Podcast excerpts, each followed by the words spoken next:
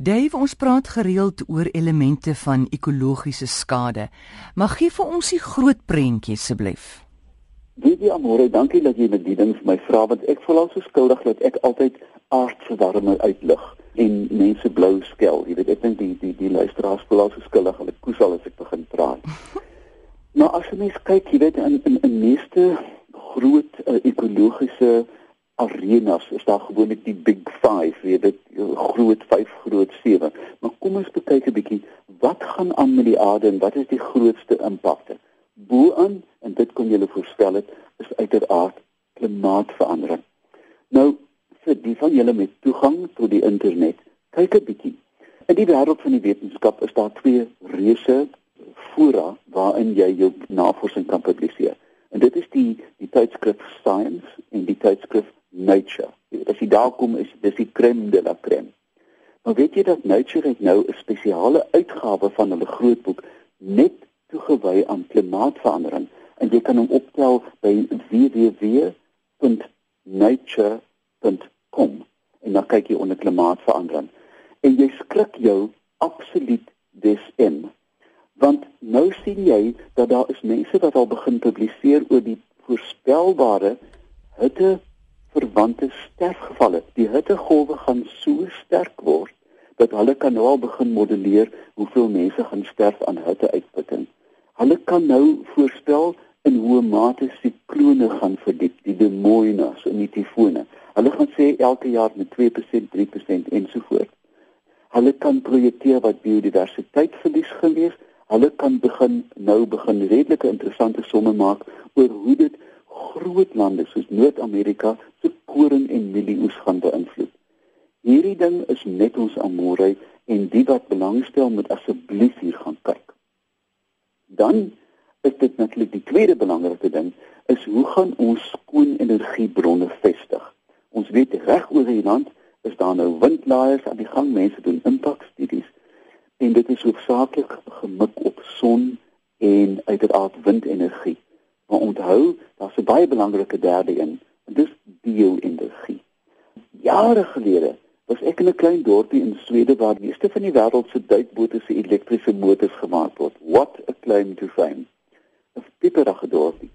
Maar hierdie dorpie is omring deur wilge plantasies wat gereeld meganies geoes word en hierdie dorpie het hulle eie klein kragsentrale.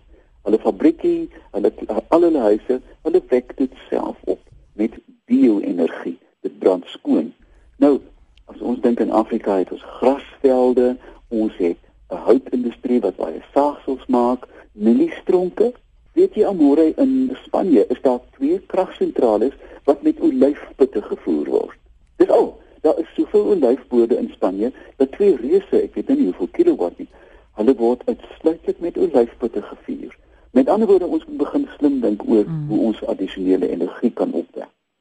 Dan natuurlik, hieroor kan ek nie ernstig genoeg praat nie is die beskerming van ons oseane en ons visbronne. 60% van ons visbronne is weg, amore, hulle is weg. Hulle is onvolhoubaar oorbenut. Jy weet self, ek dink dit genoem dat 'n maand wat gelede in Tokio het in Blouvintuna 1 miljoen Amerikaanse dollar gehaal. Dit is rasend siek. Dit beteken die sein is nou uit na die laaste paar visserbanne elke blou fintina kan ek 'n miljoen dollar mee maak. Gevolglik, jy weet, dit is vir die ondergang van die blou tina. Maar ons moet regtig begin krities dink, ons moet begin krities eet. Vra vir jou restaurant, hierdie garnaaltjie wat op my bord lê, is die stomme ding volhoubaar. Dan dink ek as ons ons gesondheid wil begin beskerm, in die algemeen moet ons dink aan besoedeling. Hemel amore, jy weet dan soms hier in die herfs as die wind nie waai nie. Ry saans huis toe en jy ry deur 'n geel laag vla. Die lug is byna ondeurdringbaar van gasse, want daar's nie lugbeweging nie. Ons moet begin dink aan publieke vervoer, elektriese vervoer, alternatiewe, want aan die aan, aan die einde van die dag impakteer dit op ons longe. En nie op jy weet my longe nie uh, is van geen waarde meer nie. Maar wat van my kind se longe, hmm. my kleinkind se longe? Hierdie bloetjies wat geen hulle het niks te maak met die vuil lug nie. Voete gaan môre, hulle moet dit inasem. Nog eene is watervoorrade. Ons het al hoeveel keer daaroor gepraat. Die krisis van die Vaalrivier, die krisis van die Gariep, die krisis van byna elke rivier in Afrika is besoedeling. Uh, kyk wat gebeur met die krokodil, né? Wat uh, wat na die kreewiltuin toe loop. Die ding is toksies. Hy is dood, die krokodille vrek daarin. Um en ons kan nie saamlewe met hierdie misbruik nie, Amore. Dit gaan ons inhaal. Wie gaan dit inhaal? Ons kinders, nie noodwendig vir ons nie.